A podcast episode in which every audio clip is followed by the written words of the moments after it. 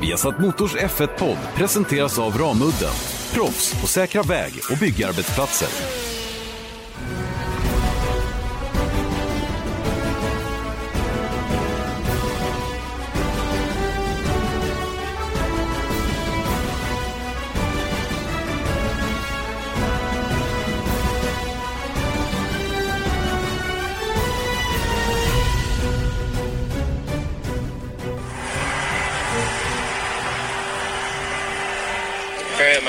I've cried. My heart's my heart's feeling so much strain right now because I think it was the same for everyone. But uh, I'm just very proud of the team and uh, my family as well. Getting there, Lewis. 11 race wins, 2014 world champion. It was my choice to come to this team, and I knew had this feeling that was it was the right one. And I never thought it would be in two years' time that you would be champion again. Of course, I hope that, but um, it's way more than I could have ever, ever dreamed.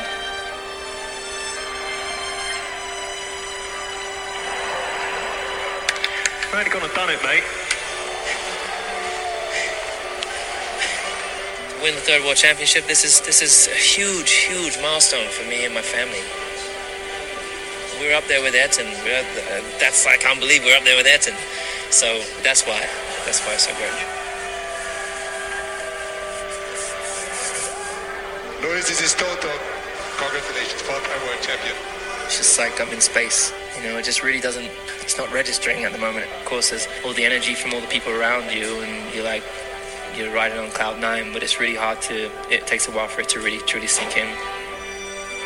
The 2018 world championship, five time, mate, five times. Right now, it's really difficult to contemplate what has just happened. You know, I'm like, wow, I'm up there with Fanjo, and it's very, very surreal. It's quite humbling right now. I just feel very humbled. I feel very grateful. I have a lot of gratitude right now. I'm thankful to God. I'm thankful to my team, my family, who who have been so supportive, who've helped me raise the game this year and come out with this result.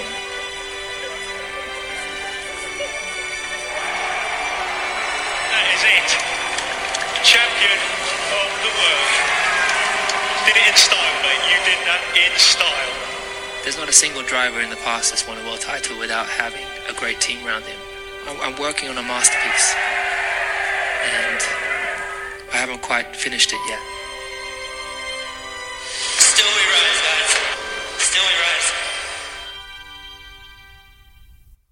Lewis Hamilton alltså som eh, fortsätter att eh, bygga på sin, eh, på sin slutprodukt, skulle vi kunna kalla det det då? Hans masterpiece. Lite kul att höra den här kavalkaden av reaktioner efter de här sex VM-titlarna det nu är för Lewis Hamiltons del. Eh, välkomna till Formel 1-podden för övrigt. Vi har satt Motors Formel 1-podd med Janne Blomqvist och Erik Stenborg där vi självklart ska prata väldigt mycket om Lewis Hamilton. Vi ska titta lite på statistiken. Vad säger den om hur stor han är och vad han har gjort i förhållande till de övriga som är där uppe. Längst upp så att säga. Närmast att vara bäst eh, genom alla tider. Eh, självklart så blir det också en hel del tummar upp och ner efter USAs Grand Prix som vi även kommer att gå igenom rent allmänt. Sen blir det ju en eh, liten sammanfattning av de nya reglerna för 2021 även om det mesta är sagt känns det som så ska vi ändå ta en liten titt på vad som är viktigt att komma ihåg fram till den förändringen 2021 och en liten liten titt också på silly season avslutningsvis. Eh, Erik Stenborg, eh, en dag senare den här veckan Ja, exakt. Men vi gjorde ett gott försök igår också. Ja, det gjorde vi, men det var, det var Det inte rätt inte. förutsättningar. Det var inte rätt förutsättningar. Vare sig tekniken eller mina tänder eller, eller piggheten var på min sida. Men nu har de borrat sönder tanden och lagt in medicin där och täppt till. Så nu har jag ingen tandvärk i alla fall. Och det ska fixas på måndag så jag är som ny när jag drar till Brasilien. Det är väl bra. Mm. Det är jobbigt alltså att få sånt där på resa. Ja, Och då menar inte bara tandvärk utan bara bli så här sjuk. Pajig. Mm. Nej, men det, det, dessbättre har vi ju rätt bra kontakter och så här. Det brukar kunna lösa sig på ett enkelt sätt. Den här, just den här gången fick ju Medical Center på banan eh, bistå med lite doktorhjälp och, och lite medicament så jag tog mig hem. Men, men eh, även Formula Medicin i depån brukar vara hjälpsamma om det är någonting. Så det, är- man, man, det, på det viset känns det rätt skönt ändå att man jobbar just där när man blir risig. Om man blir risig, vilket inte händer så ofta dessbättre. Nej. Eh, du, ska vi prata lite Lewis Hamilton? För jag har tagit fram lite stats, eller jag har tagit fram, jag har hittat stats som jag nu kommer återupprepa. Känns det bra? Ja, mycket bra. Så ska jag reflektera över dem. Ja, han har ju nu sex VM-titlar. Det betyder att han gick förbi Juan Manuel Fangio som vann fem, fem VM-titlar där på 50-talet och har alltså en kvar till att tangera Michael Schumachers sju. Eh, det här är Hamiltons tredje raka titel och rekordet på fem raka titlar innehar Schumacher. Vettel har fyra raka. Men man ska också komma ihåg här att det här är Hamiltons femte titel på sex år. Och blippen i protokollet är såklart då Nico Rosberg som slog Hamilton med fem poäng eh, 2016. Kanske Mm. det skaver lite tror jag i Hamiltons stilla sinne. Jag tror faktiskt det, att det gör det. För den där, den där känns näslig, den där förlusten 2016. Det var ju lite saker som hände där mot slutet av säsongen med, med, med motorn som gav upp i Malaysia till exempel och som blev väldigt avgörande för den där VM-fighten.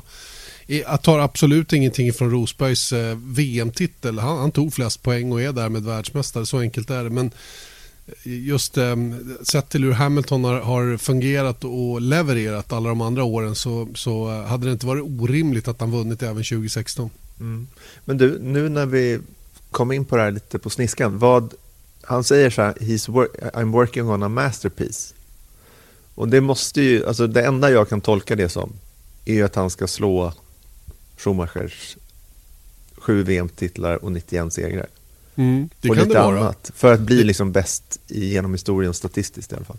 Det kan det absolut vara. Jag, jag tolkar det kanske lite annorlunda. Jag tänker mer så att jag, jag, jobbar på med min tavla liksom. Och när den är färdig, det vet jag inte.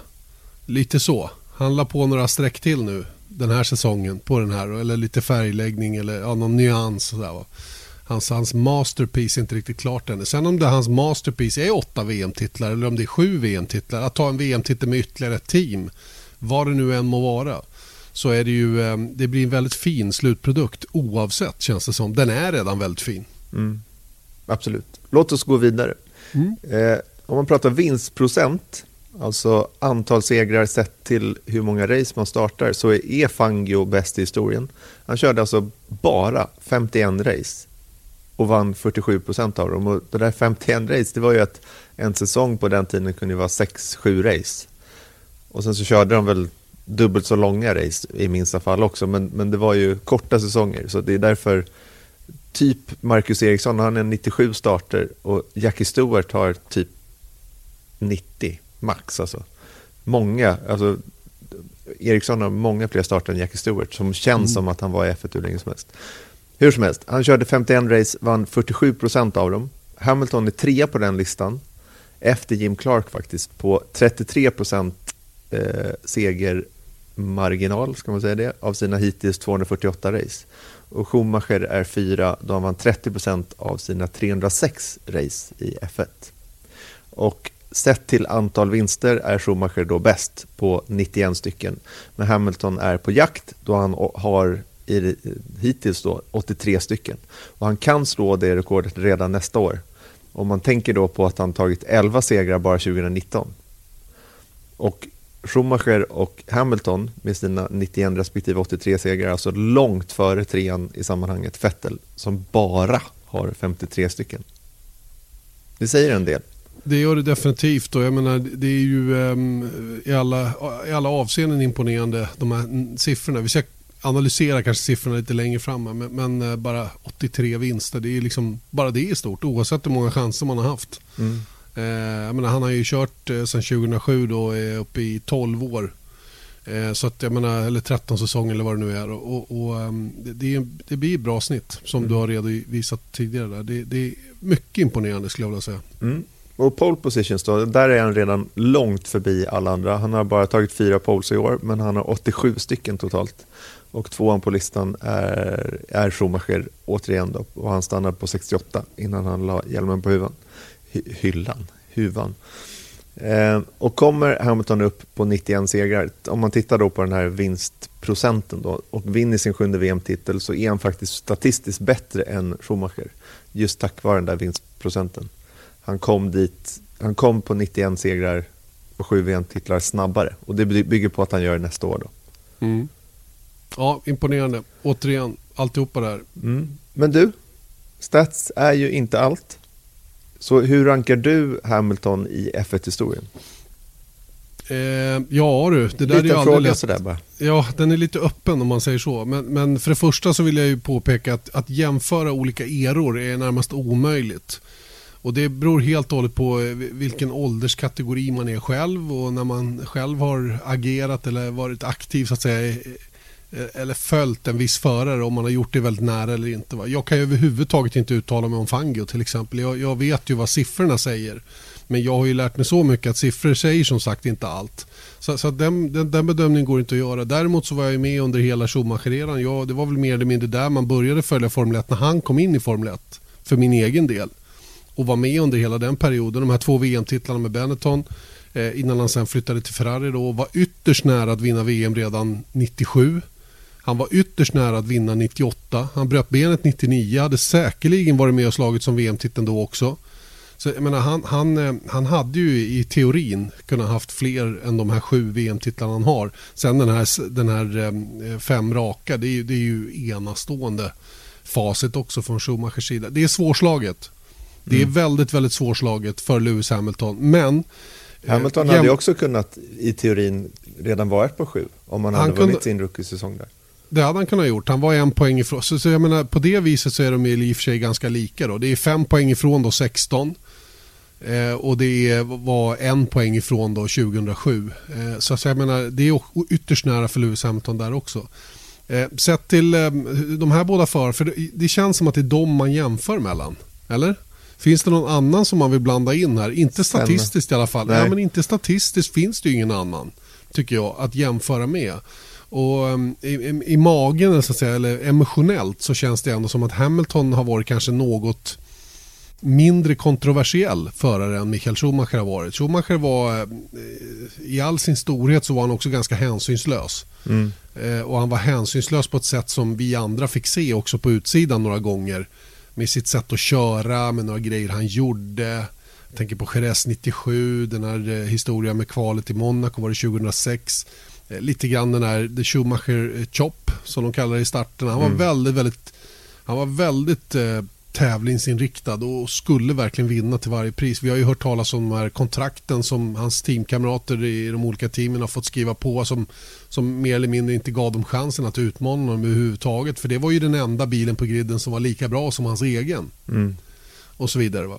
Eh, eh, Det riktigt lika mycket sånt har man inte hört runt omkring Lewis Hamiltons alla vinster. Och det kanske gör att hans segrar blir snäppet vassare. Förstår du? Han har, liksom, eh, han har säkert haft sina, sina små tricks för sig under ytan som vi inte känner till.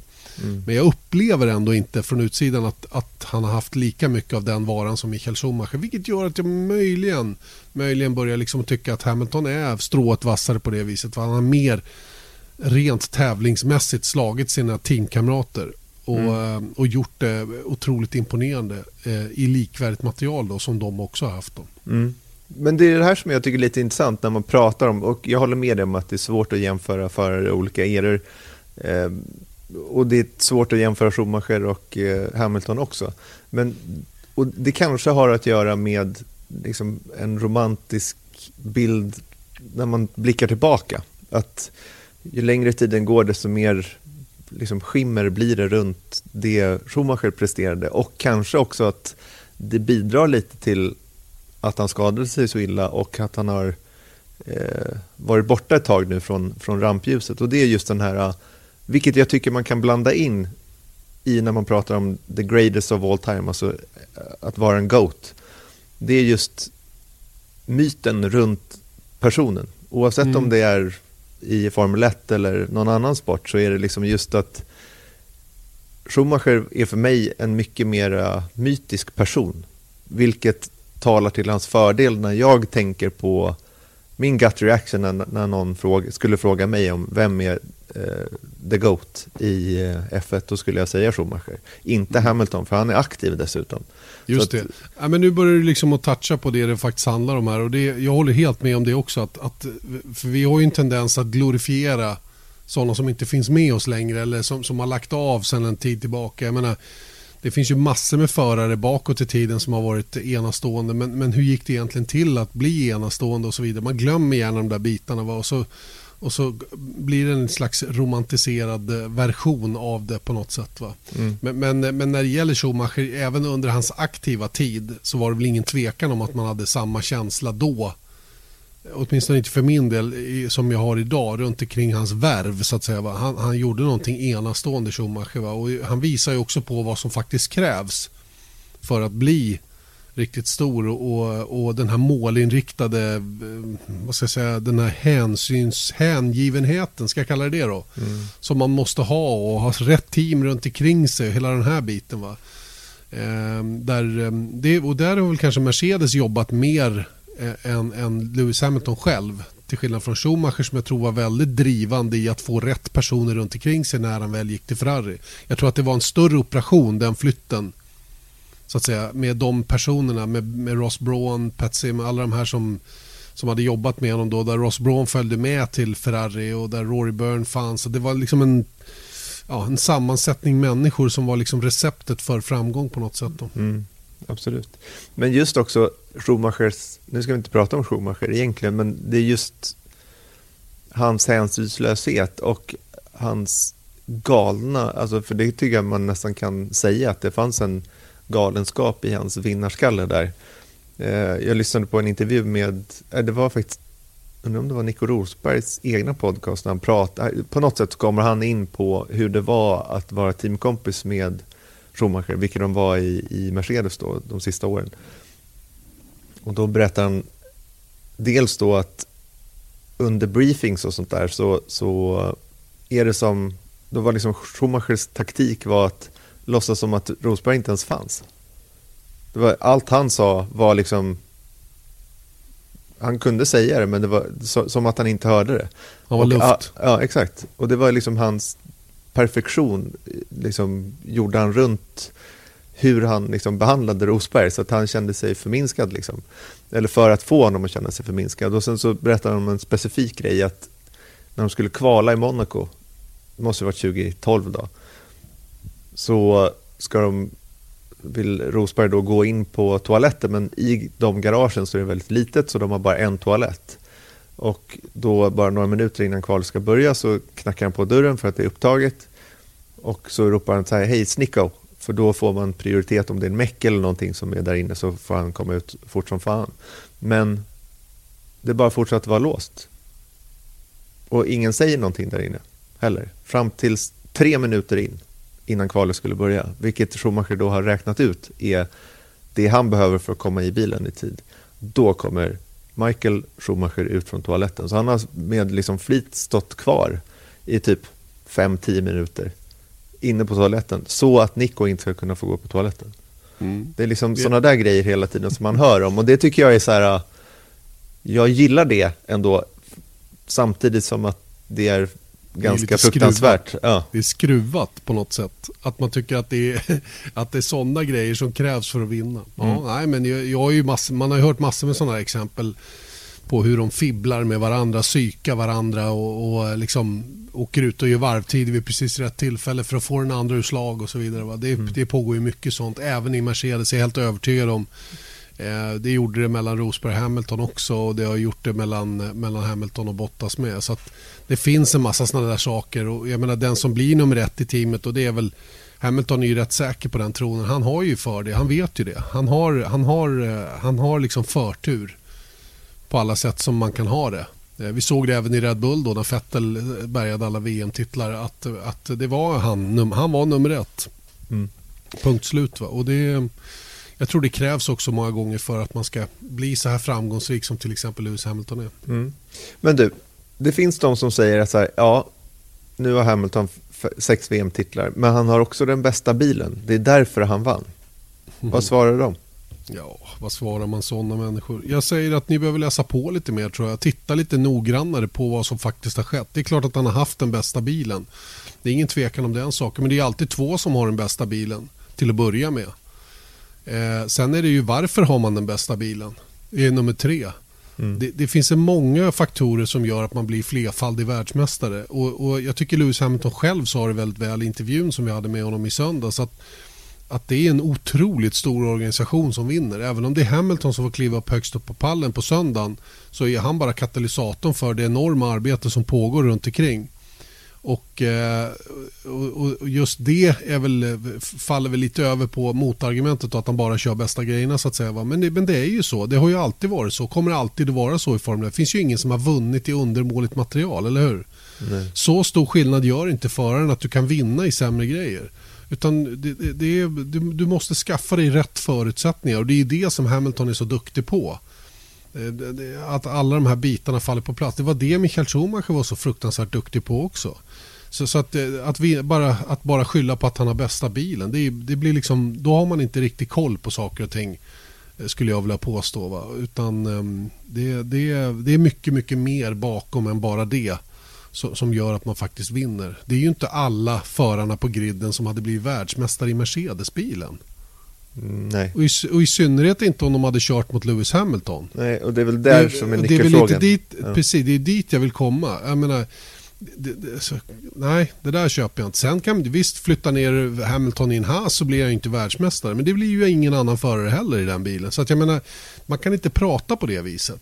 Mm. Det, är ett, det är ett fåtal som har chans att bli världsmästare sett till materialet. Det är faktum i Formel 1. Så kommer det alltid vara. Men det gäller ju att vara där. Mm. Och det gäller att se till att man är där. Och när man är där, det är då man ska göra det. Och det är mm. det Lewis Hamilton gör. Det är därför han är en av de absolut bästa genom alla tider i Formel 1. Mm. Det är mitt svar.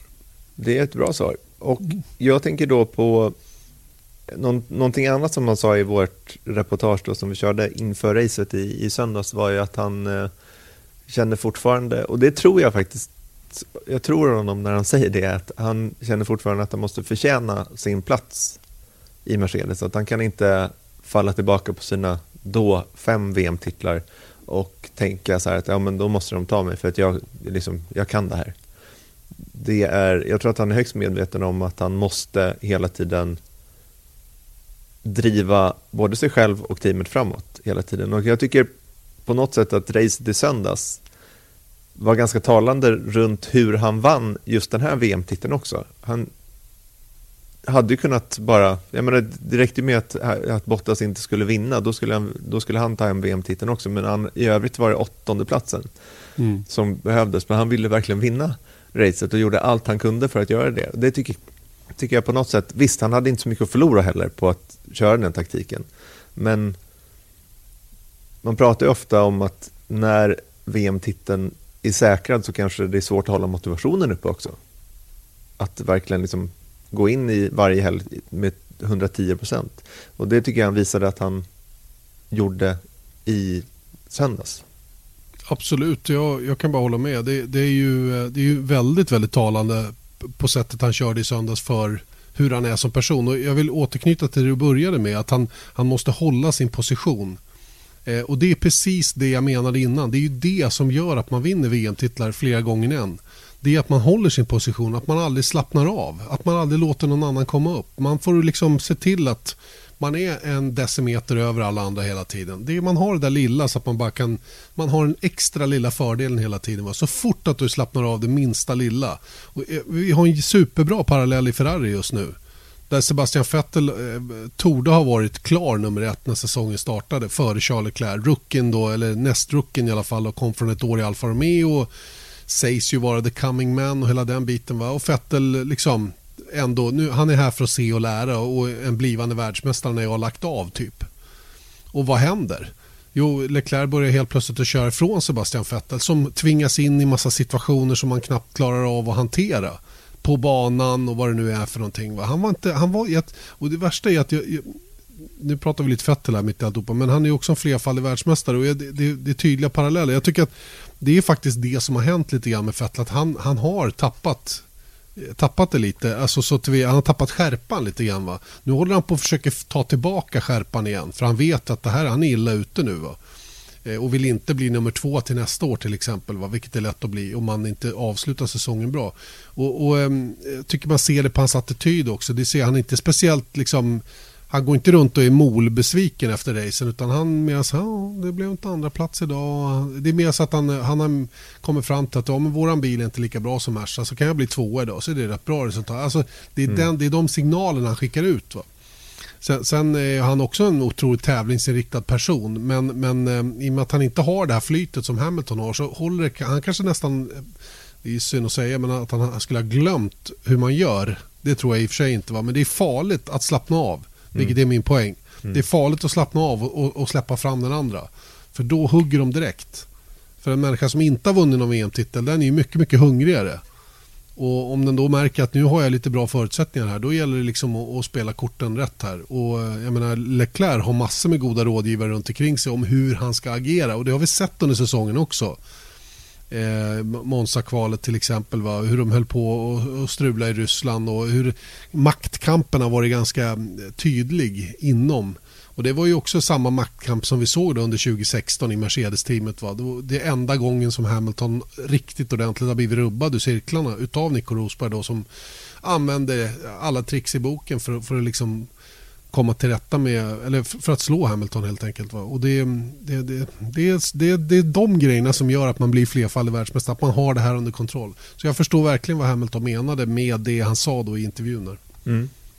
Du, ibland blir du lite tjurig på mig för att jag ställer väldigt, eller skriver eller ställer väldigt långa frågor. Men nu mm. kommer en. Är du beredd? Ja, ja, ja, absolut. För i tennis så finns det ett, liksom ett evigt diskussionsämne de senaste åren och det är nämligen vad olika spelare hade kunnat prestera om bara inte Federer, Nadal, Djokovic hade dominerat sporten så som de har gjort de senaste årtiondena. Det är ju så att de har tagit i stort sett alla Grand Slam-titlar, inte alla, men väldigt många av dem de senaste 20 åren. Hade då Andy Murray eller eh, Jean eh, Del Potro varit legendarer utan dem vid det här, i det här laget då? Och det ska vi inte prata om nu då såklart, men det jag funderar ibland på är vem hade varit Hamilton idag om inte Hamilton hade varit med i Formel 1? Mm. Bra fråga. Bra fråga. Nej, men det där är ju alltid det är ju liksom förbannelsen eh, när man eh, tävlar mot någon som till slut blir en av de absolut bästa genom alla tider. Och tänk alla de som raceade mot Schumacher under, under 90 och början på 2000-talet. Hur de liksom, ja, Micke Häkkinen vann ju ändå två VM-titlar under den perioden och, och, han hade säkert varit Schumacher om inte Schumacher hade varit där. Vem skulle ha varit Hamilton utan Hamilton? Jag, ja, men ta en sån som Fernando Alonso, mästaren i dålig timing. Hur många mm. VM-titlar hade inte han kunnat tagit om, om liksom han hade haft förutsättningarna Hamilton har haft? Om han hade valt rätt i sina teambyten och så vidare. Hade Ferrari haft ordning på sakerna när han flyttade dit? Jag menar, det är många ifs och buts här. Och, och Vettel såklart. Eh, en annan som, som hade tagit ännu fler VM-titlar om inte Hamilton funnits. Så att säga. Om inte Mercedes hade skapat den här dominansen då från 2014 och framåt och sett till att alla andra hamnade på bakfoten och kanske först nu egentligen är helt och hållet i kapp. Mm. Så att det, där, det, där är, det där är supersvårt att veta. Men, men eh, ja, sen, sen 2009 så är det väl bara tre personer som har vunnit VM-titeln. Mm.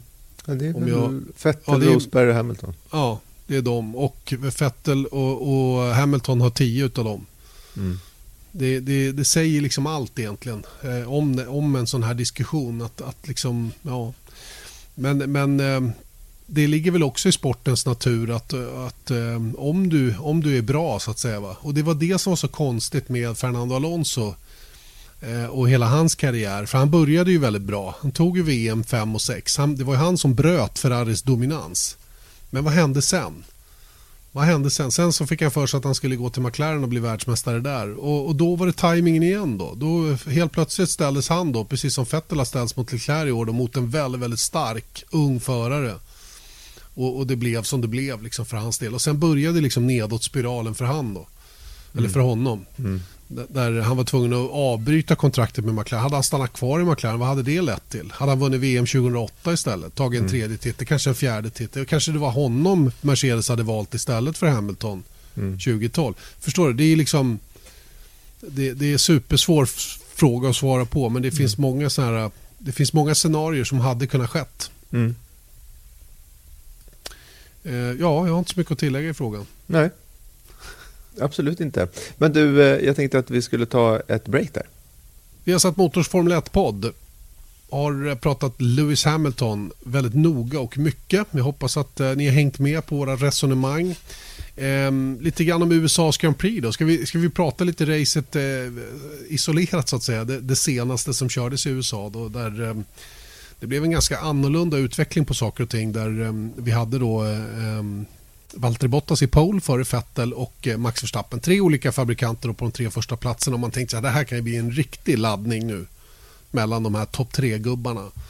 Eh, och eh, Verstappen och Bottas gjorde ju som de skulle och framförallt gjorde Lewis Hamilton som han skulle. Men vad hände med Ferrari? Mm. Det vet det, inte jag. Det vet de inte själva heller säger de. Men det finns ju lite teorier.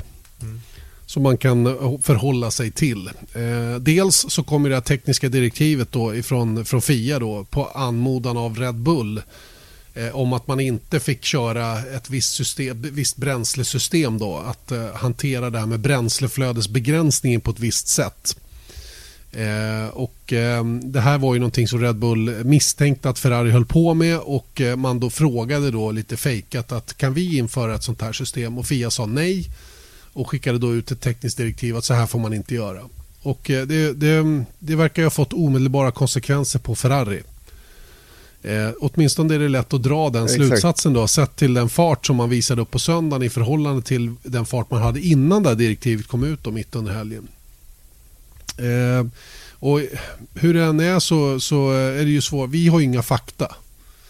Men, men någonting har de, ju, har de ju tvingats gå tillbaka med på motorn i alla fall Ferrari verkar som för att eh, det, det, de är inte lika starka plötsligt. Och det, vi har ju spekulerat tidigare om att det var någon, någon olja som läckte in i förbränningskammaren vilket det också kan vara. Mm. Det kan ju vara många olika grejer som de gör vid en viss inställning som gör att de får de här 40 extra hästkrafterna eller vad det nu är. Va? De, det har ju pratats om att de haft nästan en sekunds fördel på raksträckorna. Mm. Och det är därför alla har, men det är det som har varit lite lustigt då, för att Fia har ju bestämt och hävdat att nej men Ferrari har, är okej. Okay. Men det de gör är inte eh, olagligt, vilket gör att... Eh, ja, motorn, är bara... är inte, motorn är inte olaglig. Precis. Och det är det, det, som är lite, det är just det här sammanträffandet. Och det som Red Bull då gjorde, som du också var inne på, är ju att de skickar ut någonting för att se och då så kommer det här direktivet och helt plötsligt så finns det ett papper som säger att så här får man inte göra. Och helt plötsligt så är ju Ferrari då potentiellt sett i ett konstigt läge. För att motorn är enligt FIA okej, okay, men de kanske eh, handhar den på ett otillåtet sätt. Lite grann som bromsbalansjusteringssystemet som Renault har, som också är okej. Okay tekniskt Precis. men som användes på ett felaktigt sätt. Exakt. Som bröt mot de sportsliga reglerna. Så kan det vara. Mm. Och, det, och det är väl det jag misstänker lite grann. Va? Jag tror att vi kan räkna bort Fettel ifrån den här diskussionen. För Fettel föll igenom totalt och, och bilen gick sönder. Jag tror att den var trasig redan från innan start. Vilket gjorde att han inte kunde köra den där bilen. Han kom ju knappt runt i vänstersvängar såg det ut som i alla fall. Men han pratade själv om att det var högerkurva. Jag vet inte vilket som var värst. Men han hade enorm understyrning i vilket fall som helst. Och till slut så gick eh, hjulupphängningen sönder bak. Men däremot Charles Leclerc. Han tappar ju enormt mycket tid. Första stinten framför allt eh, mot de övriga. Eh, den stint då jag tror man åker med aggressivast motorinställning i alla fall för att hänga på. Se till att skapa sig rätt läge för resten av racet. fanns ingen fart överhuvudtaget på Ferrarin. Och, och ehm, eh, jag pratade lite med Ejeli om det och, och, han pekade på en sak, till exempel eh, vad händer då om man inte har samma motoreffekt? Då måste man kompensera på ett eller annat sätt va? och då blir det ju så att man kanske sliter Want flexibility? Take yoga. Want flexibility with your health insurance? Check out United Healthcare Insurance Plans. Underwritten by Golden Rule Insurance Company, they offer flexible, budget friendly medical, dental, and vision coverage that may be right for you. More at uh1.com. Däcken hårdare eller man får det understyrt eller man måste ta igen det man inte har på rakerna i kurvorna och, och det blir problem i största allmänhet. Va?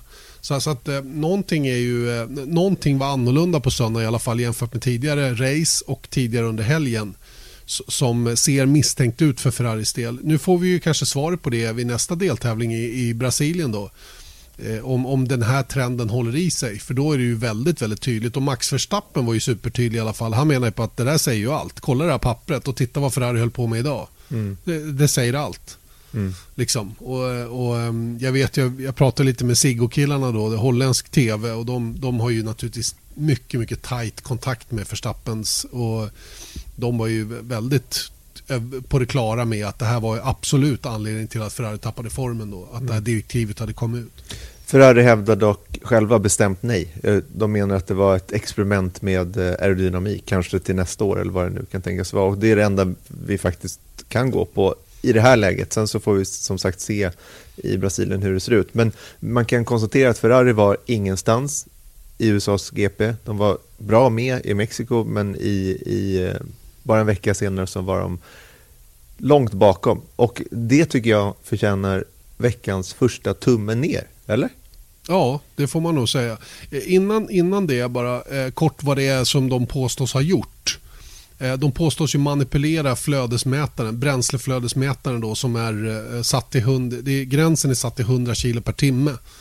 Eh, och du kan aldrig liksom ta mer bränsle än så. Vilket kan ha stor påverkan på hur mycket effekt du får.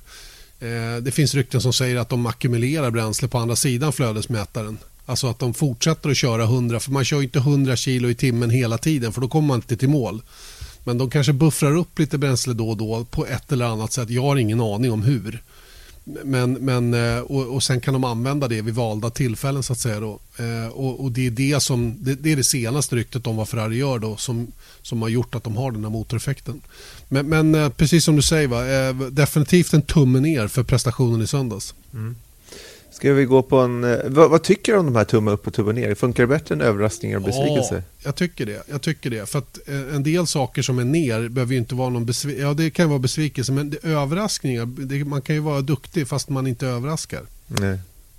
Förstår ja, du distinktionen? Nu, ja, nu kör vi på det här bara. Ja, tycker jag. Jag ger tummen upp till Bottas. Han förlorade förvisso eh, VM-fighten, men det har ju i ärlighetens namn varit över ganska länge. Han tog pole position och han vann. Och han tog den här segern genom att köra om Hamilton på banan. Det var en bra helg för, för Bottas. Och dessutom ska man inte glömma att det här redan nu är Valtteri Bottas bästa säsong i F1 sett till segrar och poäng. Och det här tycker jag är intressant då att om han överhuvudtaget ska kunna snudda vid Hamilton nästa år förutsatt att, att Mercedes har en, en eh, fortsatt bra bil så måste han kanske av, liksom, det här är hans början på 2021. 2020 i alla fall. Ja, 2020, så kan det vara. Men tänk vad Rosberg gjorde 2015. Det var mm. då, så fort eh, Hamilton hade säkrat VM, då gick han bara in och pumpade in segrar. Han vann varenda race efter Hamilton hade, hade eh, säkrat VM.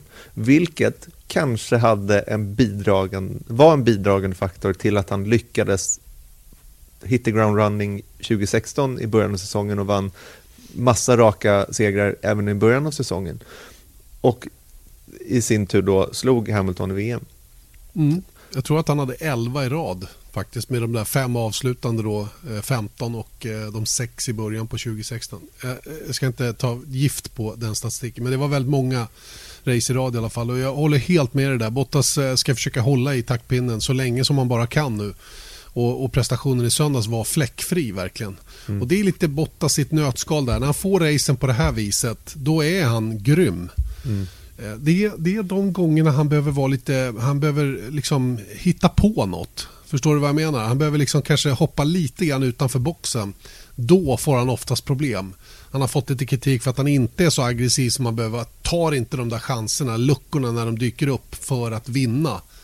Eh, jag tänker på eh, Lewis Hamiltons omkörning av Vettel på första varvet här i Austin. Det är en sån sak som jag också tycker skiljer eh, bra förare från superbra förare. Just att, att nypa tillfället när, när det dyker upp. Inte avvakta och vänta på nästa. Lite, lite Bottas svaghet tror jag. Men, men i övrigt supersnabb. Supersnabb verkligen när allting stämmer och, och när, när, han har läget. Och han hade ju faktiskt fördelen taktiskt på Hamilton då, med mycket fräschare däck här senast och DRS och allt vad han nu behövde för att gå förbi. Mm. Nej, men det, var, det var väldigt bra. Tummen upp. Tummen upp. Eh, tummar upp också för, eh, för Max Verstappen såklart. Tillbaka i gammal god form. Hade ett par risiga helger både i Japan och Mexiko tycker jag med eh, lite väl aggressiv kanske under första varven och, och, eh, ja, det har inte riktigt flytit på det sättet som vi har vant oss att se Verstappen köra under andra halvan av förra året och, och merparten av årets säsong. Eh, nu i, i söndag så var han tillbaka tycker jag i den här gamla goda formen igen där han liksom maximerade materialet, inte mer. Mm. Och, och, Red Bull-bilen räcker inte mot Mercedesen eh, på likvärdig taktik eh, och där det är normala förhållanden så att säga riktigt. Inte den här gången i varje fall. Och eh, då, fick man nöja, då får han nöja sig med tredjeplats och det var inte långt bakom Lewis Hamilton i slutändan. Nej, alltså ett varv till. Eller typ. ingen gul flagg från Kevin Magnusson. Exakt, exakt. Nå någonstans där så, så, så föll det, men det var ju... Nej, men det, det var som man var den gamla gode. Mm, Eller exakt. den nya gamla gode Verstappen på något sätt. exakt. Inte som man var alldeles i början utan kanske lite mer den senaste tiden, fast inte precis den senaste tiden. Glasklart, Hänger ni med? Ja, exakt. Men det är så skönt att jag kan ibland förklara mig så att alla förstår. Förstår ni hur jag har det ibland? Ja. Tolka. Daniel, Daniel Ricciardo får också en tumme upp tycker jag. Väldigt, väldigt stark racer. Han är ju en, han är en grym racer tycker jag. Söndagarna är hans absoluta favoritdag. Det är där han kan göra stor skillnad. Han kan ta hand om eh, taktiska val som teamet gör på ett bra sätt och det var väl det, exakt det som skedde. Backade upp det med, och där har du en kille som tvärt Bottas verkligen tar chanserna när han får dem. Ibland chansar han lite väl mycket men, men ehm, den här gången kunde han, hade han både en, en hyfsat bra bil, en bra taktik och bra körning från hans egen sida. Då, vilket räckte till för att bli bäst av resten. Vilket eh, var sannerligen imponerande före McLaren då, som, som har ett, eh, ett lika bra paket och i de flesta fall bättre paket än vad Renault har. Så, så att, eh, nej, Ricardo ska definitivt ha en tumme upp. Mm, tycker jag också. Men då vill jag ge en tumme ner till Daniel Kviat, torpeden. Torpedo. Ja, han får, dra på, han får, han får ta på sig den tummen ner. Eh, två, två stycken bestraffningar på sista varvet. Eh, Båda kurva 15 va? Ja, ja mm. det var en tillfällighet som, som var lite speciell också då. Även om den var näst sista kurvan i Mexiko och eh, femte sista kurvan i USA mm. så är det ju liksom, äh, äh, man, man, visst, man, det är klart man ska chansa och äh, då börjar ju folk dra den här gamla Senna-anekdoterna. If, if, när du if you don't go for a gap, you're ja. no longer a... Typ. Men, men å andra sidan, å andra sidan så måste man ju liksom man måste göra en, en, riskbedömning som är, som är relevant också för att mm. det ska funka och det uppfattar jag inte att Kviat gjorde. Och jag menar, den i Mexiko var ju superklar. Den som hände nu senast i USA, den har jag faktiskt fortfarande inte sett. Jag har sett den nu och ja, den, den, eh, det är inte så att Peres inte ger någon rum heller. Så det blir, jag förstår att han fick en bestraffning för men ja. det som är lustigt i det här då, vilket kanske bidrar till den här tummen ner, är Kviats egna totala oförståelse. Liksom, han är helt Fattar ingenting. Nej. Hur ska vi då kunna racea om det inte eh, går att göra så här? Exakt. Och det, jag är en då, annan, då han, eh, annan åsikt. Har jag. Han, har, han har missuppfattat hela grejen i sånt fall, tror mm. jag. Eh, tummen ner också till Robert Kubica som fick en rejäl tumme upp senast då i Mexiko när omkörningen av George Russell imponerade. Nu var det inte lika imponerande i, i, i Mexiko, eller i USA här. Eh, svår, svår comeback-säsong för Kubica givetvis. Och jag vet inte hur mycket som var hans hans fel, så att säga, inom citat, då, att det gick som det gick här i USA. Men han fick ju sedermera bryta i vilket fall med en hydraulikläcka, var det inte så? Jo, men det är det som är lite grejen, att det, det, det är kanske inte hans förskyllan helt och hållet. Jag menar, av... Jag menar, se hur det gick i Mexiko när han fick en tum, tumme upp. Han blev ändå slagen av, av uh, Russell och jag menar, det här var 19 kvalet i rad som han blev slagen av, av mm. Russell i USA då. Så att jag menar, det finns ju fortfarande de här indicierna runt att han inte har samma förutsättningar som Russell, vilket jag tror kan ligga någonting i. Det är ingenting som vi har bevis på heller, men det skulle inte förvåna mig om det, om det stämmer till viss del i alla fall. Och med det sagt är det ju svårt att avgöra om USA USAs GP var liksom ett race där han förtjänade en tumme ner, men det är just bara hela hans situation som mm. jag tycker är en tumme ner. Ja, det är, situationen får en tumme ner. Det var ja, bra. Ja. Det var bra. Vi ger en situation tumme ner. Det tycker jag var bra. En mm. sista tumme upp då. Den får McLaren. Det är väl rimligt? Absolut. Speciellt ja. efter Mexiko. Ja, eller USA. Ja, just det. Ja, Ja, du men- menar speciellt efter... Att de studsar ja, tillbaka. nu- Just det. Mexiko var ju ingen bra helg. Nej. nej, jag menar de hade ju ty tydligen tagit reda på att de hade haft uttjänta aerodynamiska delar på bilen då som inte levererade den downforce de behövde i Mexiko. Och när det var åtgärdat så var man tillbaka i gammal god form då i i USA. Eh, Sainz lite inblandad i strul i början då eh, när han åkte ihop med Alex Albon direkt i första kurvan och det kompromissade hans race eller i alla fall hamnade att, gjorde att han hamnade en bit efter och fick jaga för att komma tillbaka. Lando Norris genomförde kanske inte sitt race och där kommer väl hans oerfarenhet tror jag lyser igenom lite grann. Han, han körde slut på däcken i jakten på Ricardo eh, på mittstinten där och tvingades in och ta ett extra depåstopp. Och det där, är, det där är detaljer som man måste fila på i den här sporten så som däcken fungerar idag. För det där är oerhört avgörande för hur bra resultat man kan få. Och där är ju Lewis Hamilton ett extremt bra exempel på det. Även Daniel Ricciardo på hur man maximerar både däck, bil och sig själv och alltihopa. Och där, där är inte riktigt Lando Norris ännu. Speeden har han. Han var ju fasen snabbast i Q1. Så, så åka supersnabbt, det kan han verkligen. Va? Men, men han, behöver, han har lite såna här små grejer att fila på fortfarande innan han, innan han eh, till att börja med kan utmana Sainz fullt ut, både poängmässigt och fartmässigt. Ja, absolut. Men ändå en tumme upp. Absolut för hela teamet som, eh, som verkligen har kommit till och vad, vad starka de har blivit under ledning av Andreas Seidel. Jag gillar Andreas Seidel. Han är lite, det är ju det är väldigt eh, österrikiskt fyrkantigt. Han påminner lite grann om, om Toto Wolf på det sättet. De är österrikare båda två.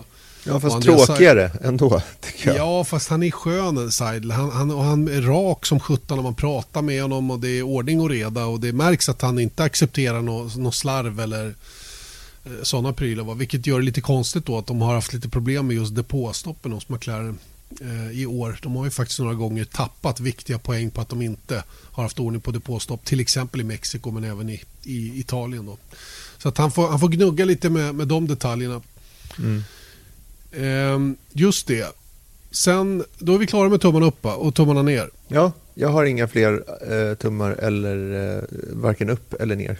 Nej, det är bra. enkelt. Det är bra. Då kan vi börja och prata lite grann om eh, det nya reglementet 2021 som eh, presenterades då under torsdagen i, eh, i USA. Eh, En väldigt intressant presskonferens som jag satt och tittade på med Ross Braun, med Nicolas Tombasis och med Chase Carey.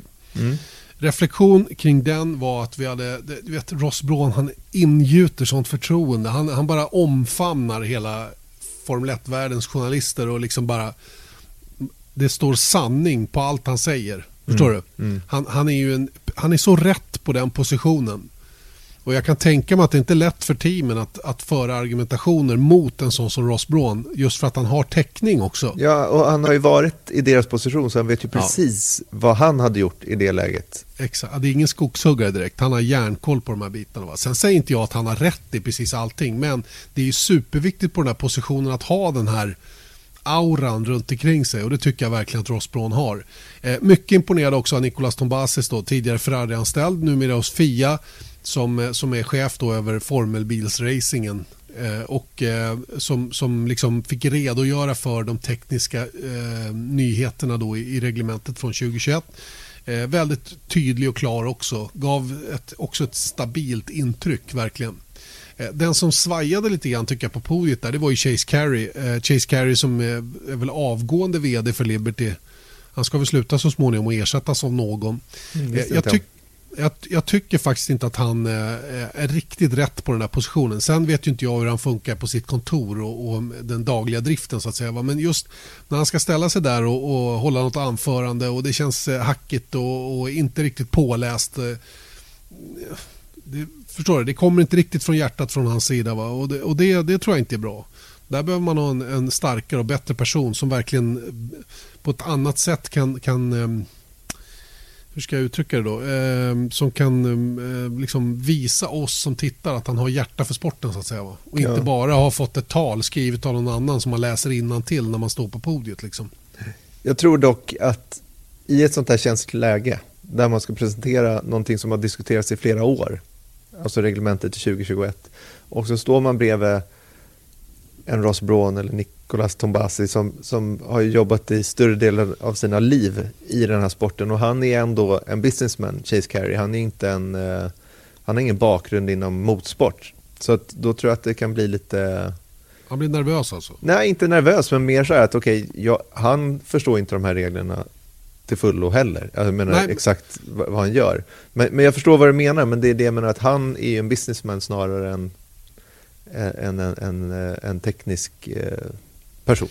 Eh, helt korrekt, va? men jag tycker samtidigt han borde, han borde ändå kunna liksom inge förtroende när han pratar om de här förändringarna. När han pekar på vikten av att vi får till det, det som man nu har visat upp och hela den biten. Så att, och där tycker inte jag att han gjorde det ärligt talat. Han ställde inte upp i mixade zonen för några intervjuer, han bara gick vidare. Däremot så kom ju Pat Simmons var där, Ross Brown var där, Nicolas Tombasis var där och de kunde man prata mycket med. Michael Masi var faktiskt med också. Mm. Eh, så, och de kunde man liksom, fick man tillgång till. Men Chase Carey försvann iväg och hade väl annat att göra, inte vet jag. Va? Men, men där hade jag ju förväntat mig att även Liberty skulle vara med och svara på frågor kring den kanske största förändringen i Formel 1-historien. Mm. Som vi står inför till mm. 2021. Men mm. eh, uppenbarligen så var inte det av intresse. Eh, själva reglerna Erik, vad ska vi säga om dem? Eh, det är ju inte så himla mycket nytt egentligen. Det mesta hade ju framkommit redan innan. Nu var det ju bara en, en vi behövde bara få det rubber stamped så att säga. Mm. Ja, men det, det, är ju det som vi har pratat om. Vi har pratat om det här i podden redan i januari egentligen så hade vi en genomgång efter den där Formula 1 Broadcaster Workshop där vi fick en briefing av Ross Braun om detta också. Det, det ja, Selling a little or a lot? Shopify helps you do your thing however you cha-ching. Shopify is the global commerce platform that helps you sell at every stage of your business. From the launch your online shop stage to the first real life store stage, all the way to the did we just hit a million orders stage. Shopify is there to help you grow. Shopify helps you turn browsers into buyers with the internet's best converting checkout. 36% better on average compared to other leading commerce platforms because businesses that grow grow with Shopify. Get a $1 per month trial period at shopify.com/work. shopify.com/work. Kontentan, vad ska man säga, det är bilarna kommer se väldigt annorlunda ut. De kommer se, se liksom coolare ut, eller vad man ska säga. Det är väl beroende på tycke och smak förvisso, men poängen är då att det är eh, de förflyttar aerodynami, eller vikten eh, hos bilarna blir liksom från vingar till golv. Mm. För att det ska störas ut mindre av eh, en framförvarande bil och därför ska man kunna komma närmare och kunna fightas bättre på banan. Det är Just. väl liksom det övergripande runt den aerodynamiska sidan, eller hur? Ja, det får man verkligen säga. Och det, där har de ju, jag menar, I teorin så ser det ju väldigt bra ut. och alla de här, Man ser ju simuleringar och, och, bilder på hur den här luften kommer att se annorlunda ut och hur luften från bakvind kommer att skickas högre upp och hamna bakom bilen bakom istället och så vidare. Tills det fejdar ut. Och det, det är hela tiden den här, det här luftsvallet som skapas av en bil som, som man behöver städa upp. Mm. Och Det har man gjort med den här nya reglementsförändringen som, som är avsevärd återigen. Då.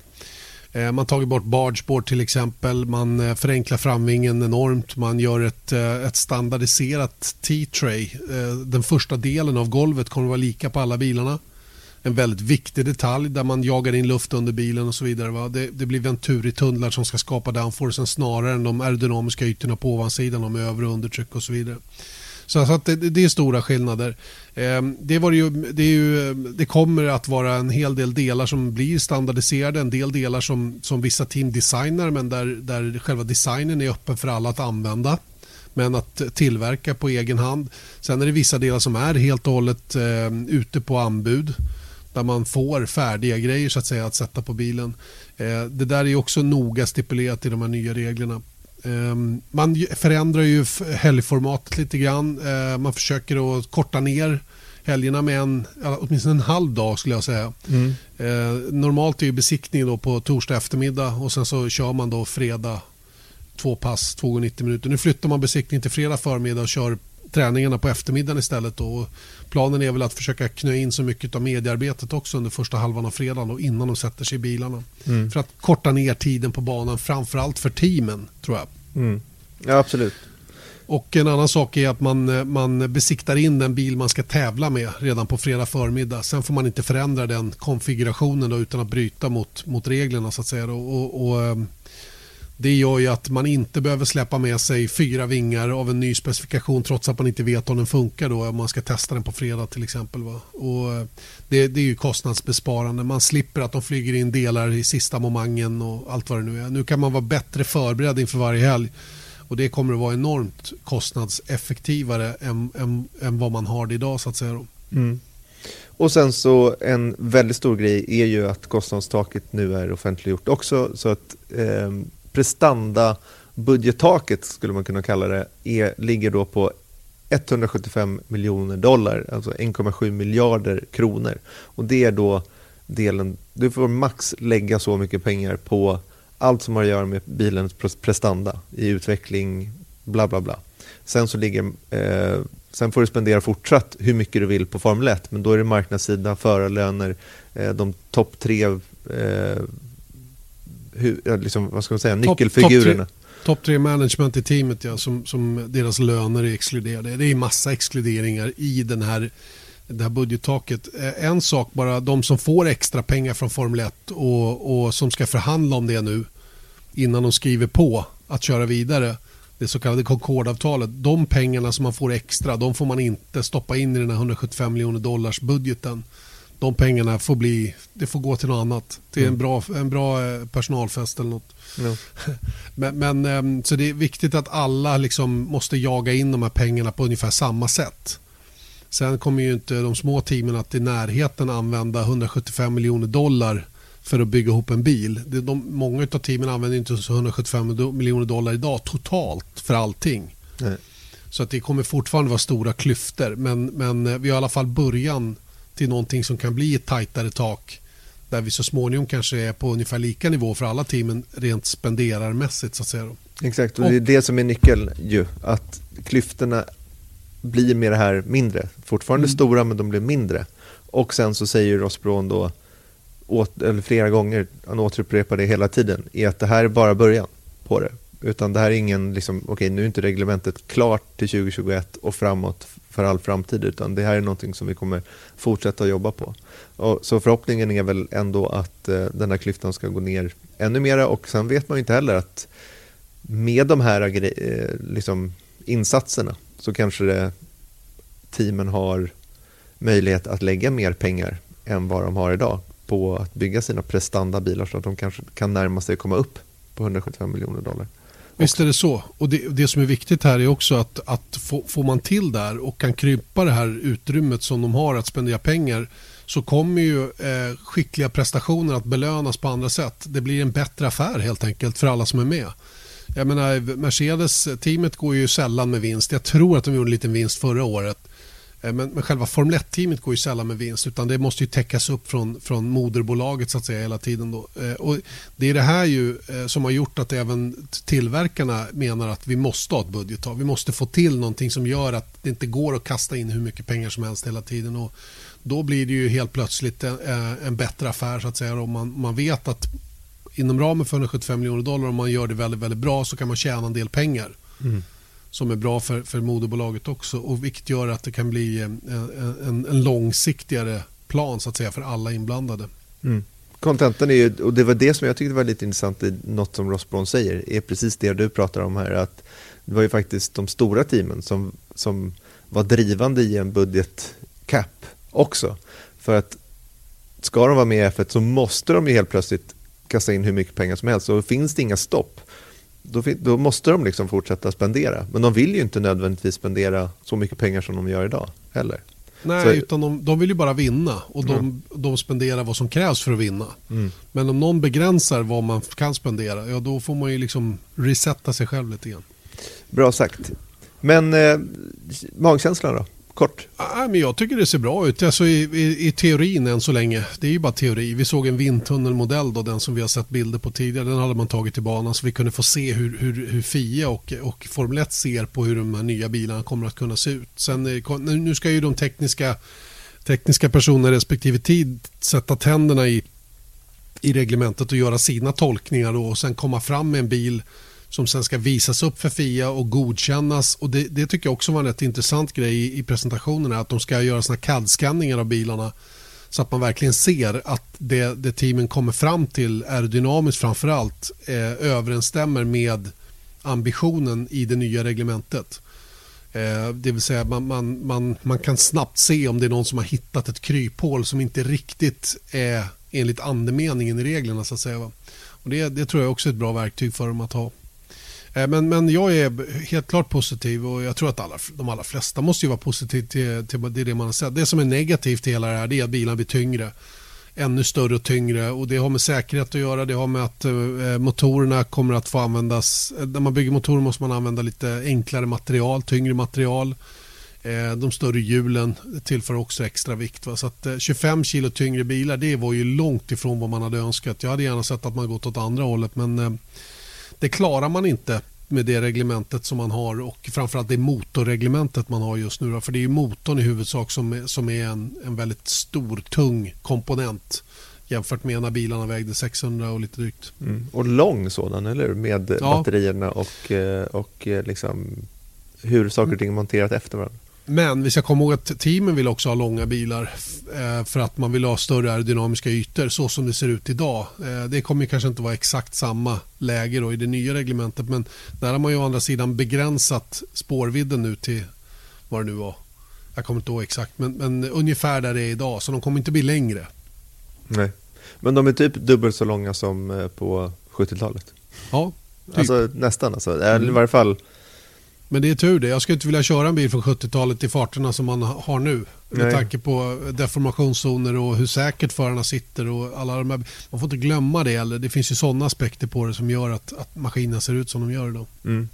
Men du, ska vi lämna det här eh, för en stund? Vi kommer säkert återkomma till det flera gånger. Men det har hänt lite saker på silly season. Det är nämligen så att Antonio Giovinazzi har bekräftats för ytterligare ett år för Alfa Romeo. Vad tycker du?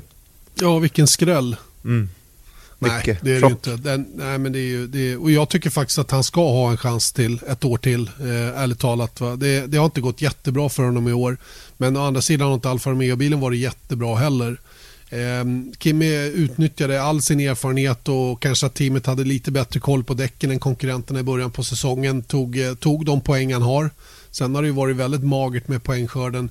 Efter sommaruppehållet så är det ju faktiskt Giovinazzi som har tagit de poäng som teamet har klarat av att ta. Mm. Hela och två det, stycken. Ja, jo, jo, visst, men han har ändå gjort det. För bilen är ju uppenbarligen inte alls så snabb längre så att den är med och på ett naturligt sätt kan ta poäng. Vilket den var i början på säsongen.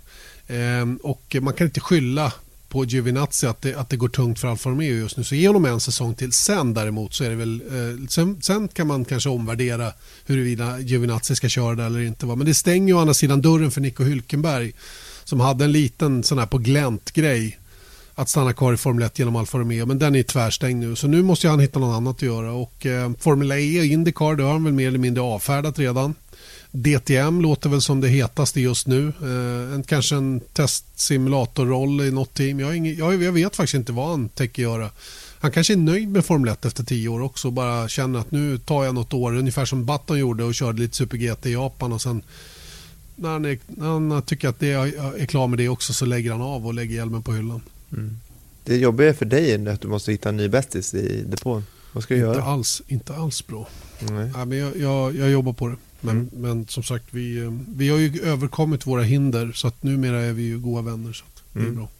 Men du vet, Jenson Button, han har ju slutat köra racerbil då, i varje fall eh, just nu. Men han ska ju köra det här Baha 1000 tror jag. Ja. Och, eh, och Alexander Rossi ska göra samma sak. Det tycker jag är lite roligt att de går på, på de där bitarna. Att också. de vågar. Ja, det är ju sjukt alltså. Mm. Googla på Baha Baja 1000. Baja 1000. Baja 1000. Det är faktiskt eh, spektakulärt. Det är som Dakar fast annorlunda. Exakt. Innan vi stänger butiken, kort Indycar också. Ja, tycker jag. eller kan vi inte eh, säga så här, Ferrari köper Formel 1? Ja, jag förstår vad du, vad du är ute efter. Eh, Roger Penske, eller ett, ett bolag i Penske-koncernen har i alla fall köpt hela Indycar. Från, från de tidigare ägarna då, som jag inte kommer ihåg vad de heter nu. Och dessutom Indianapolis Motor Speedway. Så de har verkligen slagit på stort här och eh, sett till att det här mästerskapet hamnar i goda händer tror jag. I alla fall om man får tolka alla kommentarer efteråt. Jag har ingen koll på riktigt vad Roger Penske är möjlig, eller kan klara. Jag ser ju bara vad han gör idag och hur bra det går. Mm. Så får man väl anse att Roger Penske är en, en bra person. Det, det, som är konstigt kanske är att en, en, en, person som själv tävlar i mästerskapet kan äga det. Mm. Och alla är eh, superpositiva. Det, ja. jag, jag, jag, jag är inte tillräckligt kunnig om Indycar så att jag riktigt förstår det, men alla är ju jätteglada. Och det är väl kanske resursmässigt då, att det kanske ska investeras mer i det, men jag blev ändå förvånad över att när jag såg det, jag bara wow, vad konstigt. Mm. Mm. För det är ju lite ah. som att Ferrari skulle köpa Formel 1, Silverstone och F1 Monza. TV. Ja, typ. ja, jag, jag håller med dig. Jag, jag, kan också tycka det är lite udda. Men, men de har väl den transparensen där så att det är ingen som är orolig över att över att, att det ser ut på det viset så att säga. Då, utan man är mer angelägen om att ha en stark promotor av mästerskapet. Då. Det får de ju nu i Penske Entertainment, heter de så? Penske Entertainment är det bolaget som, Penske Entertainment är det bolaget som har köpt eh, de här bitarna. Då.